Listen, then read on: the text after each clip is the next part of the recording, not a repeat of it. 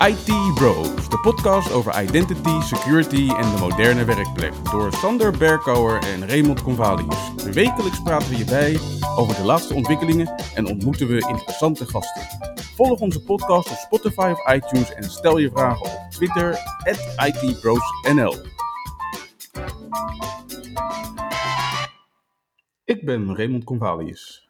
En mijn naam is Sander Berkouwer. Welkom bij aflevering 41 van de IT Bros podcast. Met in deze aflevering het meest recente nieuws, evenementen voor de aankomende week en uiteraard weer een productiviteitstip van Ray.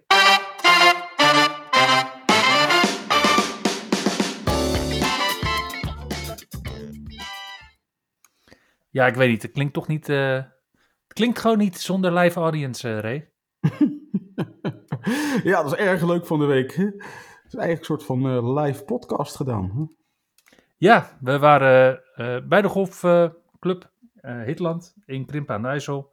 Waren we uitgenodigd door de KNVI om daar inderdaad anderhalf uur te babbelen over ja, wat wij nou zien voor IT-pro's in dit tijdperk van de cloud.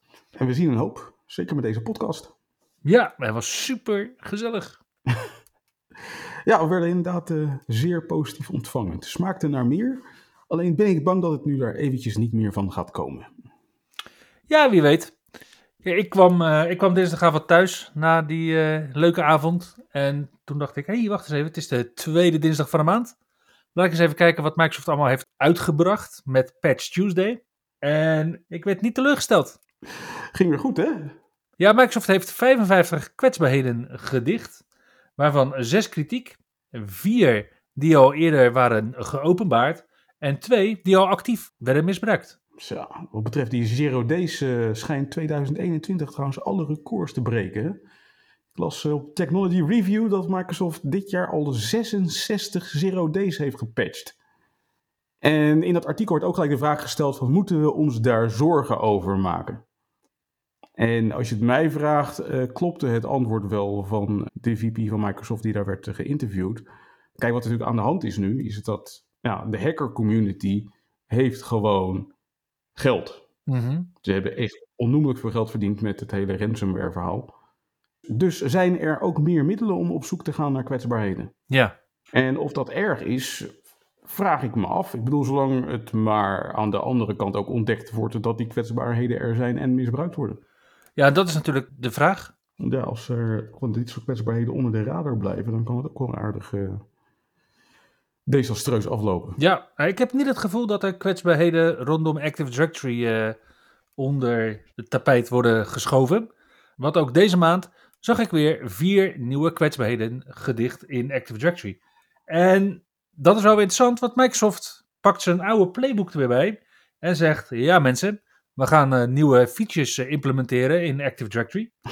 Dat doen ze dus niet meer met Windows Server releases, maar dus met dit soort dingen. Mhm. En daarvan eh, zetten ze dan, tenminste dat hebben ze dit keer bij twee gedaan, die zetten ze dan in de audit-modus. Ah, oké. En dan kan je ze ook nog uitzetten en dat soort dingen. En zegt Microsoft wel, ja, dat betekent dat we ze voor een van die twee in april en de andere in juli dan onherroepelijk aan gaan zetten. Microsoft heeft er best wel vertrouwen in dat bijna niemand daar dan last van heeft, dat ze het op die manier doen. Maar het betekent wel, en dat is een belangrijke, dat als jij niet al jouw domeincontrollers patcht, dat het best wel eens zo kan zijn vanaf juli volgend jaar dat er een aantal domeincontrollers gewoon hun werk niet meer kunnen doen, omdat ze niet meer kunnen communiceren met andere domeincontrollers. Ah, Oké, dus eigenlijk wordt het een soort met een eh, uitstel geïmplementeerd. Je hebt nu zes maanden de tijd om de boel voor elkaar te krijgen.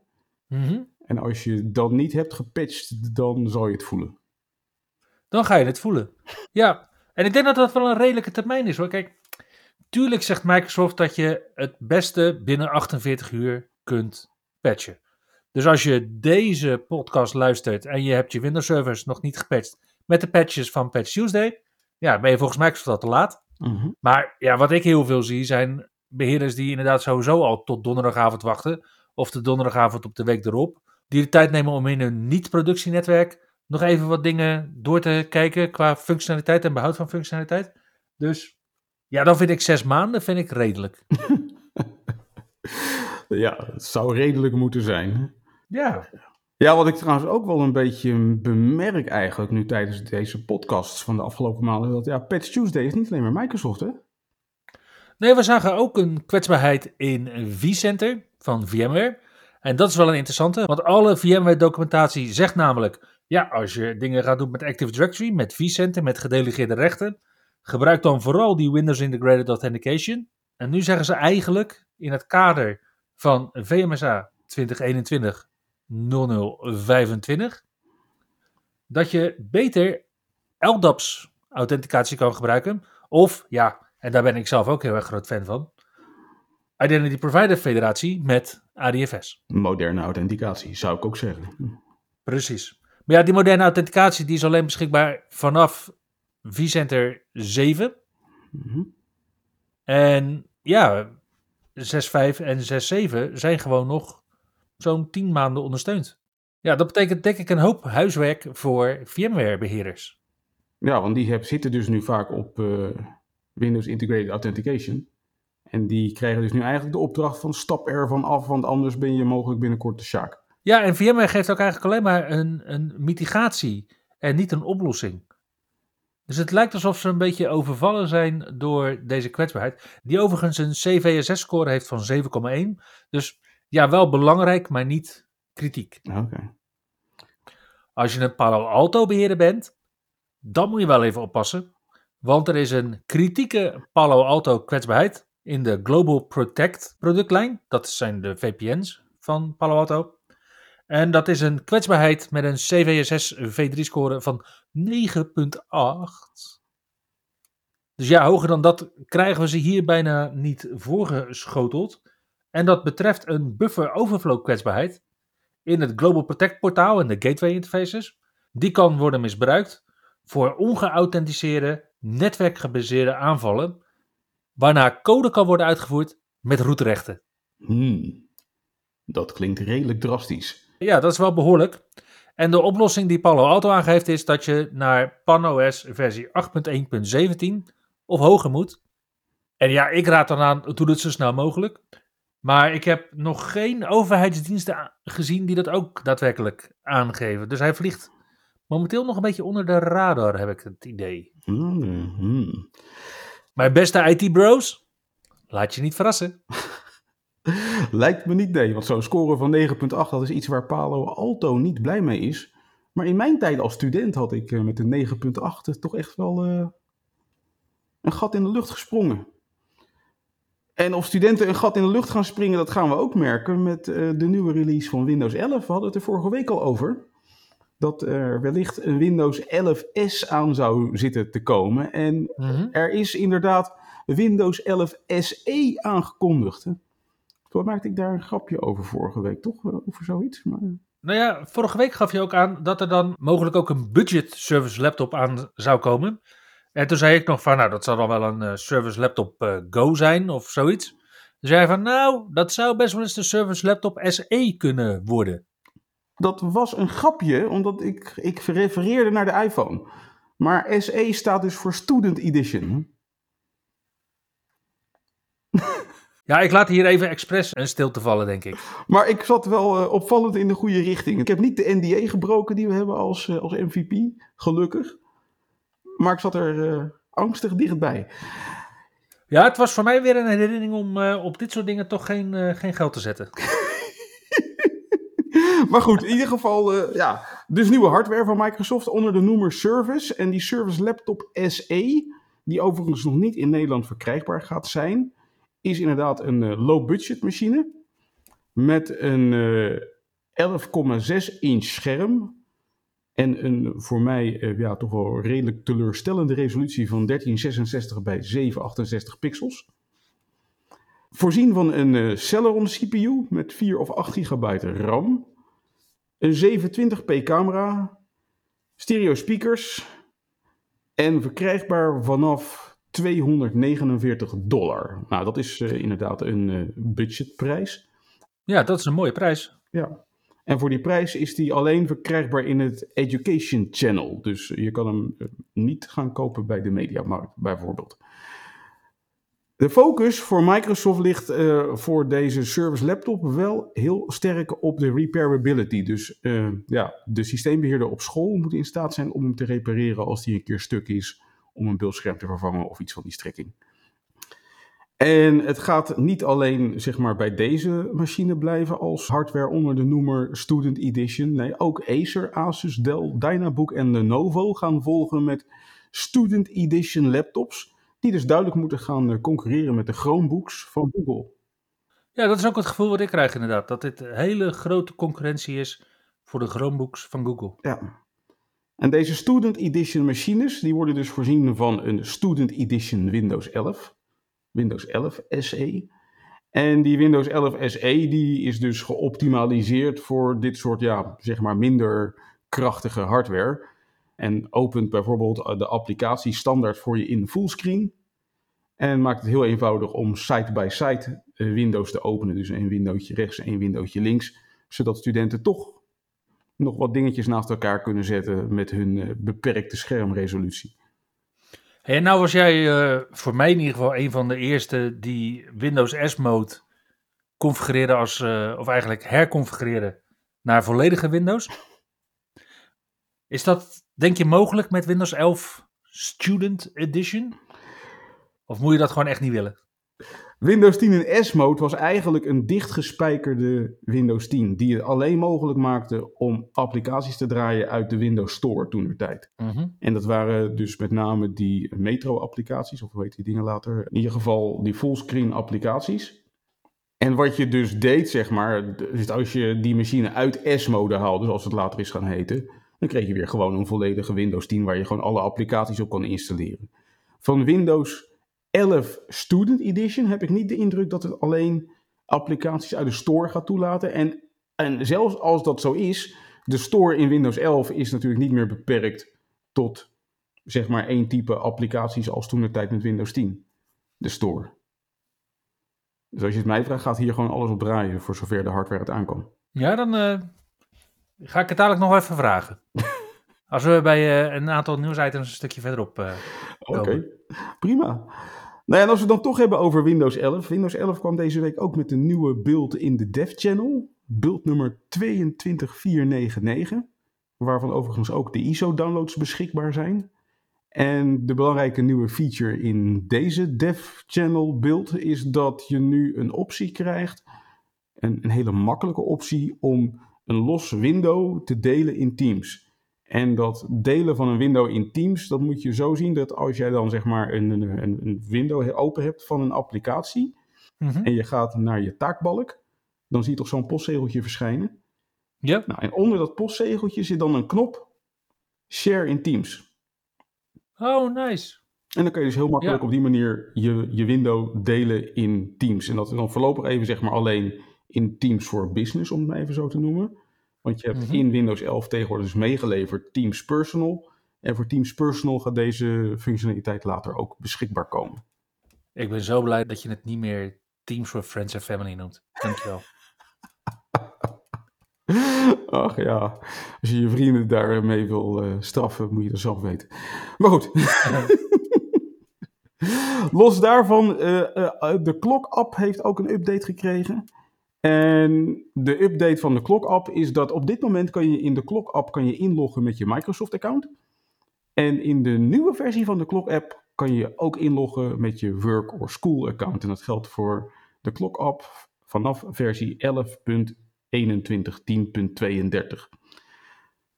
Daarnaast zit er een eh, belangrijke fix in de nieuwe beeld van Windows 11, namelijk de clipboard history was stuk. Nou, dat is iets dat heb ik uh, ook uitgebreid ondervonden, aangezien ik daar toch wel dagelijks gebruik van maak.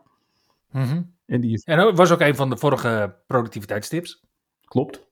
En die was dus gewoon stuk, dus daar heb ik echt wel uh, pijn van ondervonden in de laatste dev build. Maar in de nieuwe dev build is die dus weer gefixt.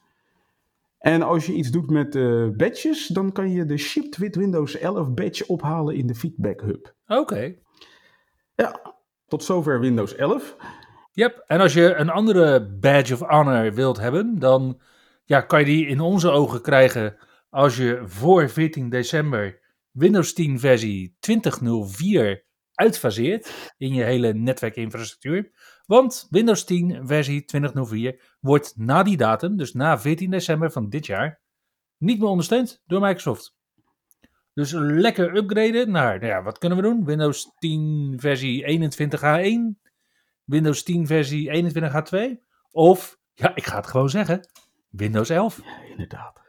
Ik zou het ook bijna zeggen. Maar goed, als je nu nog op versie 2004 zit van Windows 10, is het in ieder geval de hoogste tijd om er afscheid van te nemen. We zagen vanuit Microsoft ook een aantal andere releases. Waarvan ja, op het eerste oog het lijkt alsof dat helemaal niet zo belangrijk is voor IT-pro's, zoals jij en ik.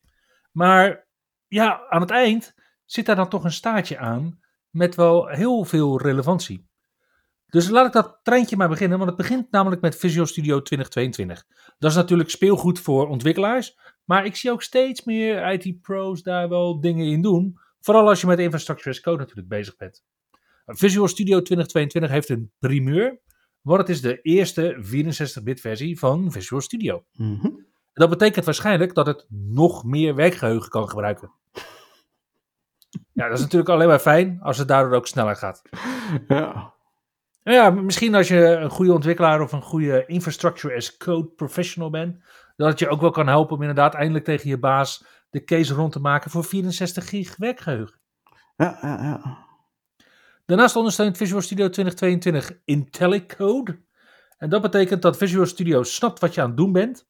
En die kan dus artificial intelligence gegenereerde lappen code zo in je projectje plakken. Het is Clippy voor Visual Studio, maar dan zonder de irritatie. Er was een beetje wat, eh, wat gezeur over, want Microsoft eh, dacht van ja, weet je wel, we gaan een feature alleen maar voor Visual Studio op Windows uitbrengen en verder niet. Maar Microsoft heeft ook aangegeven nu voor hot reload. Dat is de mogelijkheid dat je je broncode kunt aanpassen terwijl de app draait in debug modus. Mhm. Die hot reload die zit nu in Visual Studio 2022 voor Windows. Maar die komt ook in andere ontwikkelplatforms terug. Omdat het gewoon een hele mooie feature is om je productiviteit, terwijl je aan het debuggen bent, te vergroten. Ik betrap mezelf daar ook met de PowerShell ook regelmatig op. Dan ben ik inderdaad een, een script aan het eh, debuggen.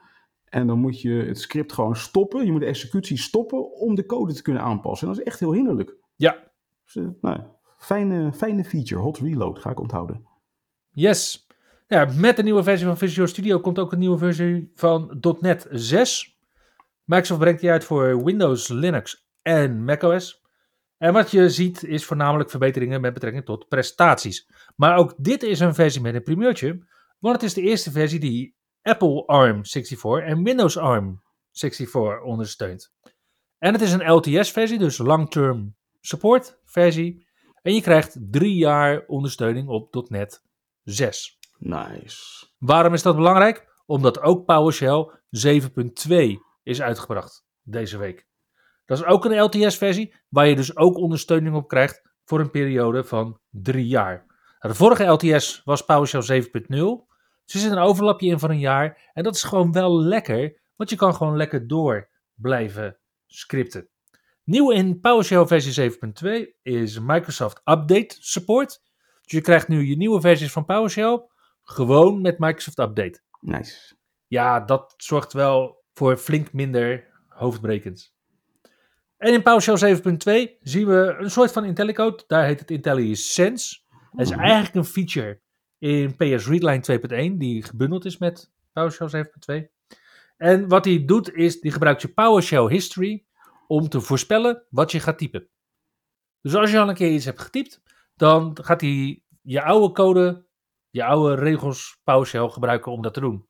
En dat is, ja, ja, dus letterlijk een interpretatie van, als je doet wat je deed, dan krijg je wat je kreeg. Oké. Spannend. De Microsoft Store in Windows 11 wordt een steeds nuttigere bijdrage aan Windows, vind ik zelf. Ik heb onlangs laatst een eh, Windows 11 machine geïnstalleerd en het was me al opgevallen, er zitten gewoon steeds meer nuttige applicaties in die Microsoft Store, zodat je niet naar die applicaties op zoek hoeft te gaan, zeg maar met Google of Bing wat je voorkeur ook is. Maar dat je gewoon in de store je applicaties vindt. En een hele nuttige bijdrage die er nu bij is gekomen is Mozilla Firefox. Ja, dus die zit dadelijk in de Windows Store. Dus die zou je dus eigenlijk ook op Windows 11 Student Edition kunnen installeren als je dat zou willen. Bijvoorbeeld. En wist je trouwens dat Visual Studio Community ook in de Microsoft Store zit? Ah, kijk, dat lijkt me nou de ideale app om zo'n Celeron-machine eens even door zijn hoeven te laten vallen. Nou, als je dat niet wil, dan pak je gewoon Visual Studio Code. Die staat ook in de Microsoft Store. Oké. Ja, maar Visual Studio Code is nog wel een stuk lichter. Bedoel ik. die, moet het wel, die moet het wel kunnen doen op Student Edition, denk ik. maar goed, al met al, ja, dus nu ook eh, Mozilla Firefox. En de omschrijving bij Mozilla Firefox vond ik wel leuk. Gewoon een razendsnelle browser die u niet bedriegt. Hmm. Ik hoop dat dit ook weer helpt om inderdaad het marktaandeel van Firefox weer te verhogen. Het is natuurlijk al jaren tanende ten opzichte van het grote Chromium geweld. Mhm. En ja, ik denk dat die beschrijving wel klopt. Ik ga hem binnenkort maar eens proberen. Ik heb hem heel lang links laten liggen. Want ik heb nu ook een nieuw systeem. We hebben een tijdelijk systeem hoor, totdat ik uh, natuurlijk naar Service Pro 8 overstap, vind ik. Maar ik heb daar inderdaad ook nog helemaal geen andere browsers of zo op geïnstalleerd. Nee. Dat doet we helemaal nog niet nodig gehad ook. Het, uh, we zijn van ver gekomen. dat kan je wel stellen. Weet je ook, trouwens dat valt me nu ook op. Ik heb van de week gespeeld met Windows Admin Center versie 2110. Als je het hebt over producten die van ver zijn gekomen, Windows Admin Center. Dat komt echt van ver hoor. En wat we dus nu zien in deze versie 2110, is dat er ondersteuning is voor Windows Server 2022, Windows 11 en Azure Stack HCI versie 21H2. En Microsoft heeft daar uh, wat mooie dingen in, uh, in aangebracht. Bijvoorbeeld de mogelijkheid om automatisch af te melden bij inactiviteit. Iets wat ik ja, met mijn identiteitpad toch wel een redelijk basale feature vind. Ja. Maar ja, niemand zet het in Shepard Online ook aan. Dus tja, wat dat betreft zit ik misschien een beetje op een eilandje met die visie. Mm -hmm. Admin Center 2110 ondersteunt nu ook hybride implementaties richting Azure Government Cloud en de Azure China Cloud. Dat was er nog niet. Oké. En Microsoft geeft ons een preview op het multi-resource dashboard. En dat is een van de meest gevraagde, uh, langst geleden gevraagde features al voor Windows Admin Center. Dat je gewoon, tenminste zo heeft Microsoft dat dan nu geïnterpreteerd, dat je meerdere servers kunt selecteren en dat je dan in donuts ziet, zeg maar, welke servers er goed aan toe zijn en welke wat minder. En in deze eerste preview van dat multi-resource dashboard geeft Microsoft in donuts het gebruik weer van je CPU, je werkgeheugen en je disks. Oké. Ik kwam trouwens van de week kom ik een uh, interessant artikel tegen op jouw website. Oh jee. En ging over Azure AD Connect. Namelijk als je Azure AD Connect nog steeds op versie 1.5 of 1.6 draait, dat het V2 endpoint niet meer wordt ondersteund. En volgens mij is dat iets wat sommige bedrijven of organisaties toch wel min of meer noodgedwongen eerder hebben gekozen om hun Azure AD Connect installatie daarmee te laten connecten. Ja, ja wat, ik, wat ik vooral zie, want het heeft impact op twee soorten organisatie. De eerste organisatie is inderdaad de organisatie die groepen met meer dan 50.000 leden willen synchroniseren. Dat kan gewoon niet op de versie 1 endpoint. Dus het endpoint aan de kant van, van Azure, zeg maar, waar je met Azure AD Connect tegenaan kletst. Maar daar zijn er denk ik niet zo heel veel van in Nederland. Ik, heb, ik ken er één, maar goed. Ja, maar ik denk dat dat ook wel het type organisatie is wat dan het belang ziet om naar Azure AD Connect versie 2 te gaan. Ja, true. En om daar niet tot 31 augustus op te wachten om dat te doen, omdat dan die ondersteuning stopt. Maar de tweede groep organisaties is de groep organisaties die naar het versie 2 endpoint gingen, omdat het gewoon zoveel sneller is. Vooral met, met groepslidmaatschappen en dat soort dingen. Is het versie 2 endpoint echt bakken sneller dan het versie 1 endpoint. Ja, en als die mensen allemaal terug moeten naar het versie 1 endpoint, dan is dat toch wel een aderlating. Ja. Dus eigenlijk is het gewoon een uh, duwtje van Microsoft in de goede richting. Zo. En als jij nu nog op de oude Azure AD Connect versie zit, Mhm. ga dan vooral heel snel upgraden. Ja. ja, dat denk ik ook. Maar ja, het saillante detail is natuurlijk dat de automatische upgrade functionaliteit in Azure AD Connect versie 2 nog steeds stuk is. Dus op het moment dat je naar Azure AD Connect versie 2 gaat, ja, moet je die wel even met de hand blijven updaten. Totdat ze dat gefixt hebben. Ja. Call to action voor Microsoft dus. Hey Ray, als we dan toch zo uh, schaamteloos uh, blogposts aan het pluggen zijn in onze podcast, Ja. dan moeten we het natuurlijk ook even, uh, even hebben over jouw blogpost. Mijn eerste blogpost in, ik weet niet hoeveel jaar, maar het was inderdaad een tijd geleden. Ja, want, En, eh, want je had een persoon in je netwerk en die had een uitdaging met een gehackte Hotmail mailbox. En die heb jij geholpen. Ja, ja, dat was een, eh, een ik, ik vond het gewoon een uitdaging. Ik werd gebeld inderdaad door een, eh, kennis, een, eh, een vriendin van mijn broertje. En die kwam met de mededeling van mijn zus, die wordt gestalkt. En de stalker die heeft haar Outlook.com mailbox gehackt. Help! Want we kunnen bij Microsoft niemand bereiken. En ja, ze kennen mij als iemand die toch veel doet met Microsoft-technologie. Kan jij hier iets voor ons betekenen? Nou ja, goed, ik had zoiets van, eh, die is een uitdaging. Gaan we eens even kijken hoe we die hacker een hak kunnen zetten. En het eerste wat ik tegen haar heb gezegd is van, nou oké, begin je wachtwoord te wijzigen en zet two-factor authenticatie aan op dat account, dat Microsoft-account. Nou, zo gezegd, zo gedaan. Dat wachtwoord wijzigen hadden ze de avond daarvoor ook al gedaan. En toen had die stalker, eh, annex hacker, had als wraak, had hij had hij gezegd van, nou, dan wist ik al je mail. Dus die had alle mail uit haar zus haar mailbox gewist. Wauw. Maar goed, ze hebben dus eh, two-factor authenticatie aangezet. En de hacker zat nog steeds in die mailbox. En die gebruikte dus de mailbox van haar zus om te communiceren met haar zus. En wat hij dus deed, was dat hij door dreigementen stuurde en eh, allemaal pakketjes met dure goederen aan het bestellen was bij allerlei dienstenverleners. En die pakketjes, ja, die waren dus die zussen bezig om die te laten onderscheppen en terug te laten sturen, et cetera. En ze wilde van die vent af. Ja, duidelijk. Duidelijk. Dus, eh, dus, ik ben, eh, dus ik zeg, nou, dan neem, neem ik wel je PC over en dan ga ik even kijken wat er precies aan de hand is. Dus ik, heb die PC overgenomen. Ik heb eh, ook eventjes een knowledge base artikeltje van Microsoft teruggevonden, waarin inderdaad wat instructies stonden van wat te doen als je Outlook.com mailbox is gehackt. En in dat artikel stond onder andere eh, beschreven van, nou, checken of er mailrules zijn gemaakt. En wijzig je wachtwoord uiteraard. Eh, Mhm. Er stond niet eens inzet two-factor authenticatie aan. En die hacker die bleek inderdaad een mailrule te hebben aangemaakt waarin die, of hij had, ja, hij had één mailrule aangemaakt waarin die, ik geloof, iets van 30 eh, mailadressen onderschepte. En, en als er iets binnenkwam van een van die 30 mailadressen, dan werd die mail meteen gemoved naar een subfolder van die mailbox. En dan werd die mail doorgestuurd naar een Gmail-adres van die hacker. Oké. Daar heb ik maar gelijk een screenshot van gemaakt. Ik denk dat dat is handig voor de politieaangifte. Mhm. En ja, toen had ik wel zoiets van: oké, wat nu? Wat is hier nou precies aan de hand? Hoe komt het dat deze man nog in die mailbox zit? En trouwens, omdat ik ook even, wel even vergeet, is dat Microsoft had ook nog in dat artikel een linkje gestopt. Wat ook wel handig was om eh, toch nog zeg maar de gewiste mails terug te halen. Die man die dacht dat hij definitief alle mail had gewist. Maar met dat linkje uit het artikel van Microsoft kon ik toch gewoon de mails weer terugvinden en terugzetten in die mailbox. Maar goed, die man zat er dus nog in. Dus ik had wel zoiets van: oké, nu moet ik hem er wel uitkrijgen. En daar had ik nog niet zo gauw van door wat hij nou precies gedaan had. Dus toen ging ik nog even verder graven. En onder de settings van het Microsoft-account bleek dus, daar kan je eh, nog steeds wat heet een app-password definiëren. Dat is trouwens ook iets wat eh, toch nog wel heftig wordt, eh, gepro ja, heftig voor, wordt, wordt voorgesteld door Microsoft tegenwoordig. Van eh, gebruik een app-password, want dan kan je two-factor authenticatie omzeilen. Ja. Nou, die man had dus een app-password.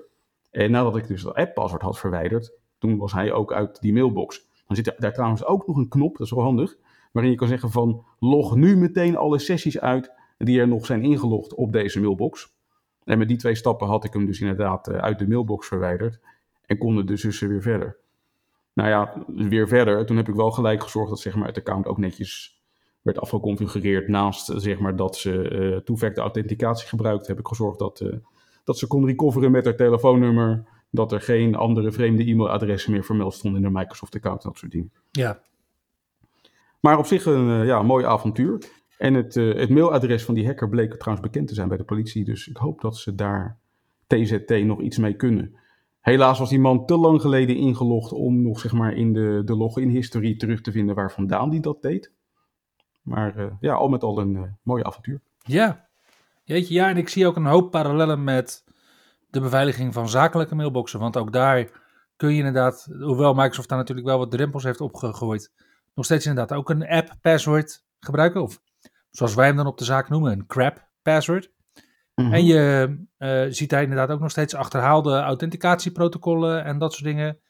Organisaties die multifactor authentication niet helemaal eh, aanzetten. Ja, het is eh dolle boel. Ja. Ja, inderdaad. Maar goed, hier staat dus een, artikel over van mij op, op LinkedIn. Cool. Als je het nog eens terug wil lezen. Ja, nu we het toch over multifactor authentication hebben, is denk ik ook wel een goed tijd om te kijken naar de Authenticator app van Microsoft. Want die heeft ook een aantal verbeteringen gekregen afgelopen week. Absoluut. Eh, nou ja, de eerste verbetering is dat er een nieuw icon is verschenen. Hij ziet er weer een beetje gelikter uit.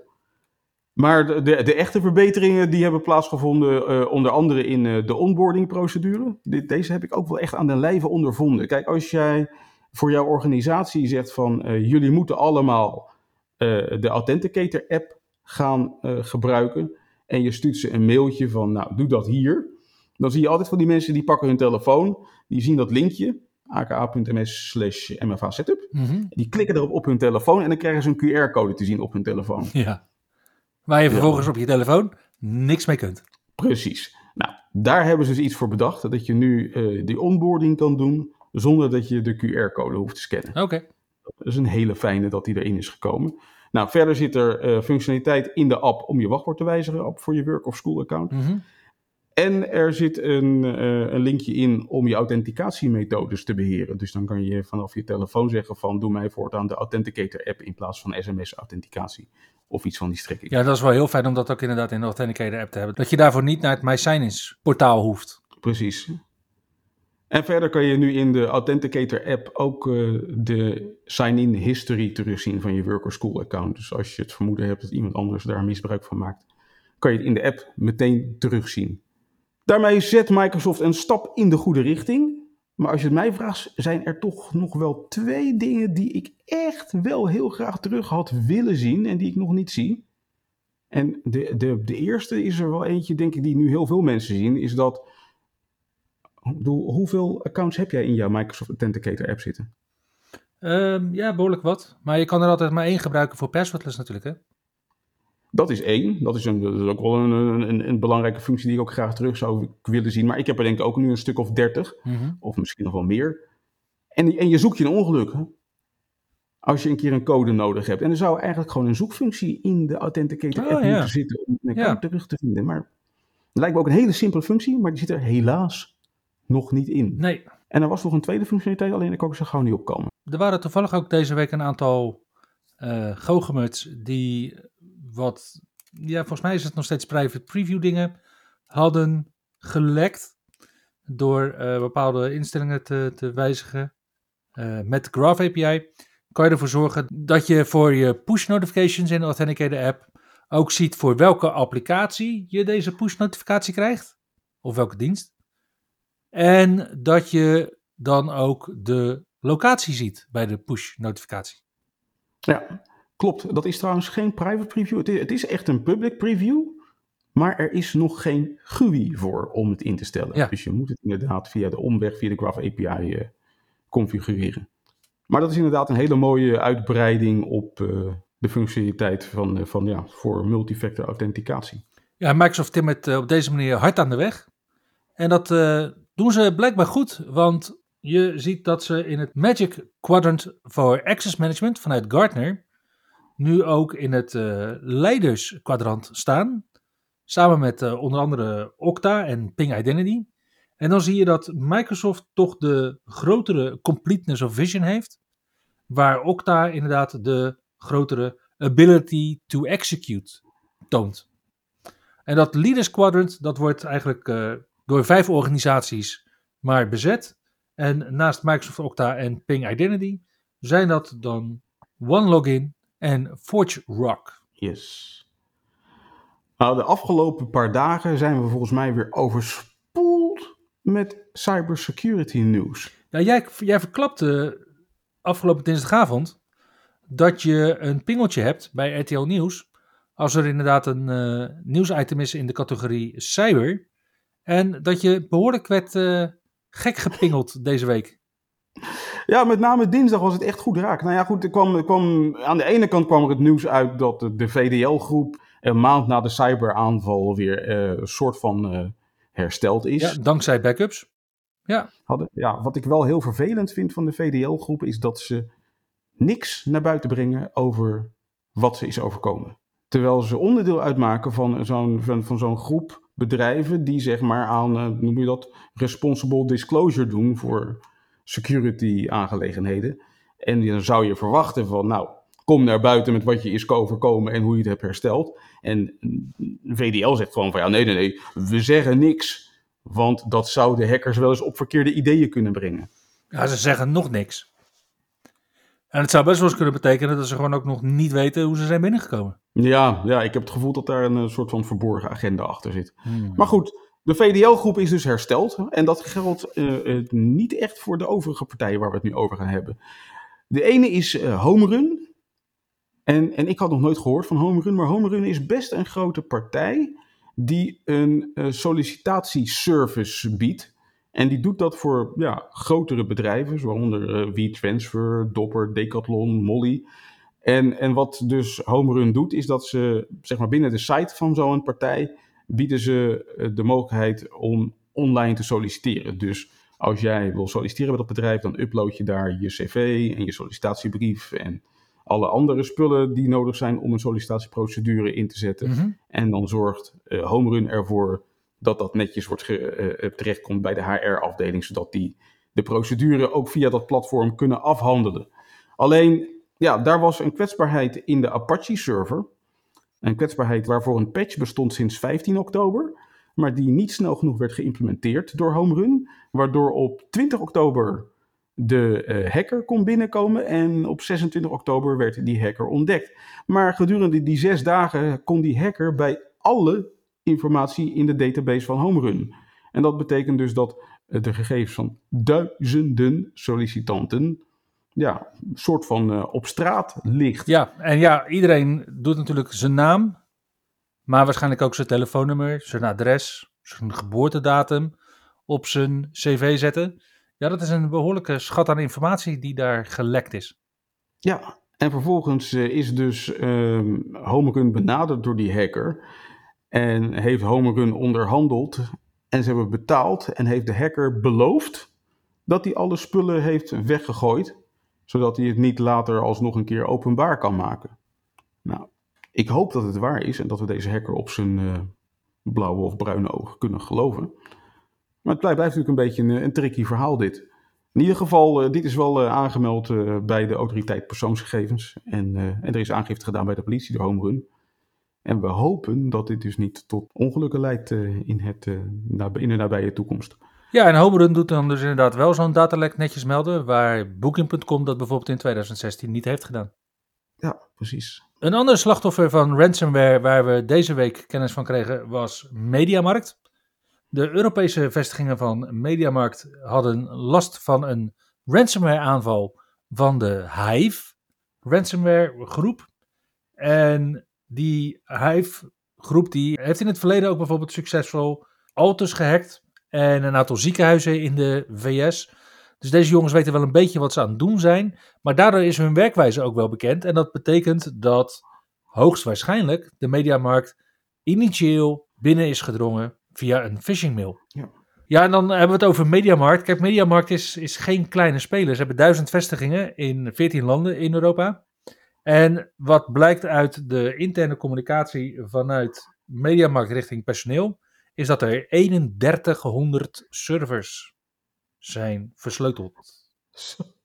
Initieel werd er 240 miljoen dollar losgeld gevraagd. Dat is nu al uitonderhandeld naar 50 miljoen dollar. En ja, dat is wel een van de dingen waar heel veel organisaties nog niet helemaal, denk ik, ook hun hoofd omheen hebben op dit moment. Is je kan gewoon niet vanaf moment nul terug naar je backups. Weet je, dan ben je gewoon, dan ben je gewoon nog niet klaar. En er zitten gewoon, ja, eigenlijk zo'n beetje weken tussen. Waarin je inderdaad onderhandelt en, en, en de situatie in het snotje probeert te krijgen over wat er nou precies aan de hand is en wat er nou precies gebeurd is. Ja. Ja, plus dat deze bende, die staat erom bekend dat ze heel grondig te werk gaan. En eerst zorgen dat ze je backups onklaarmaken voordat ze de boel op slot zetten. Yep. Dus ja, en als ze dat 3100 servers te pakken hebben, dan zijn ze inderdaad wel al even binnen geweest bij de mediamarkt, vermoed ik zo. Waarschijnlijk, ja. En bij beleggingsapp Robinhood zijn ze ook binnen geweest. En daar zijn gegevens van 7 miljoen mensen te grazen genomen. Voor 5 miljoen mensen betekent dat dat hun e-mailadres op straat ligt. Voor 2 miljoen mensen hun naam en e-mailadres. En voor 310 mensen, een heerlijk concreet aantal, betekent het dat niet alleen hun e-mailadres en naam, maar ook hun geboortedatum en postcode in handen is gevallen van kwaadwillenden. Dit is mogelijk dezelfde kwaadwillende die ook toegang kreeg tot Twitter en daar toen op een gegeven moment een aantal ludieke berichten op prominente Twitter-profielen heeft geplaatst. Want ook deze aanvaller eh, kreeg initieel toegang door de service desk te social engineeren.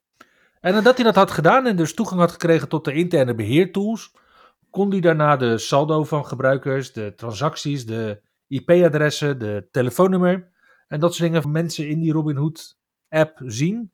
Maar ook bijvoorbeeld de notities en opmerkingen over klanten en wat er met klanten besproken was. Dus dat is wel een serieus datalek. Kan je je wel stellen.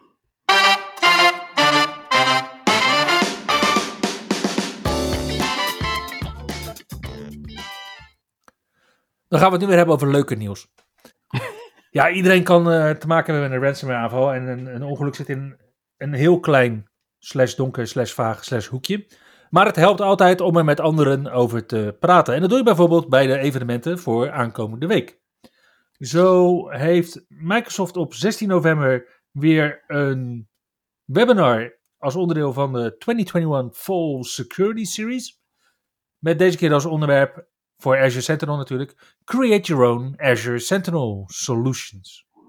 Yes. Op dinsdag 16 november is er ook Cloud Camp in Ierland. Dat is een virtueel evenement waar, uh, oh ja, waar ik ook nog een sessie voor nou, moet voorbereiden. Hm, wacht, ik, uh, ik ben zo terug. is goed. ja, op uh, eh, 17 november dan is de volgende sessie in kader van de 2021 Fall Security Sessies. Dan presenteert Ors Rock Jeppa een sessie die heet Next Gen Multicloud CSPM in Azure Security Center. Ja, dat is dus Cloud Security Posture Management. En dat Cloud Security Posture Management is ook wel echt een tak van sport waar ik steeds meer van hoor. Oké, ik had er nog niks mee te maken gehad. Ben benieuwd. Misschien tijd om maar eens te gaan kijken. Ja, nou donderdag 18 november kan je, als je helemaal niks met security te doen wil hebben, kan je natuurlijk ook naar het AVD TechFest. Dat is een virtueel evenement met alles rondom Azure Virtual Desktop.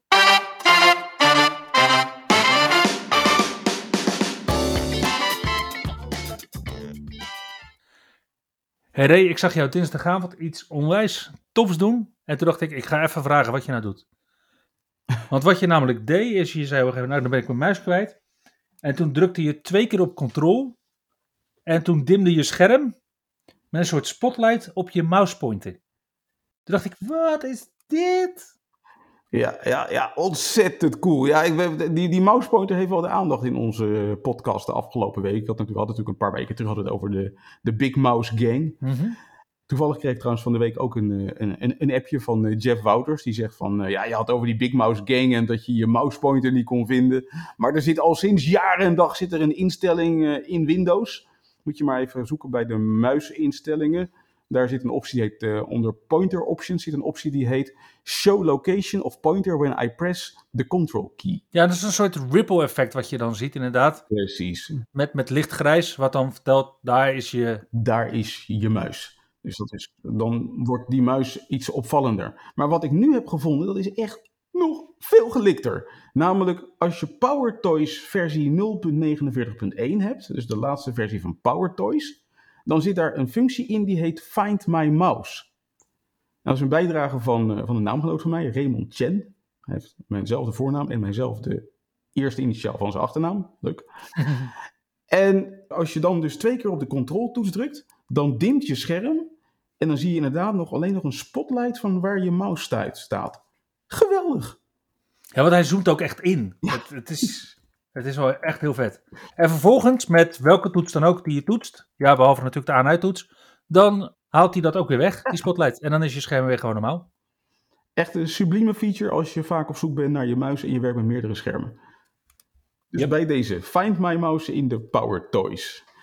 Daarmee komen we aan het einde van aflevering 41 van de IT Bros podcast.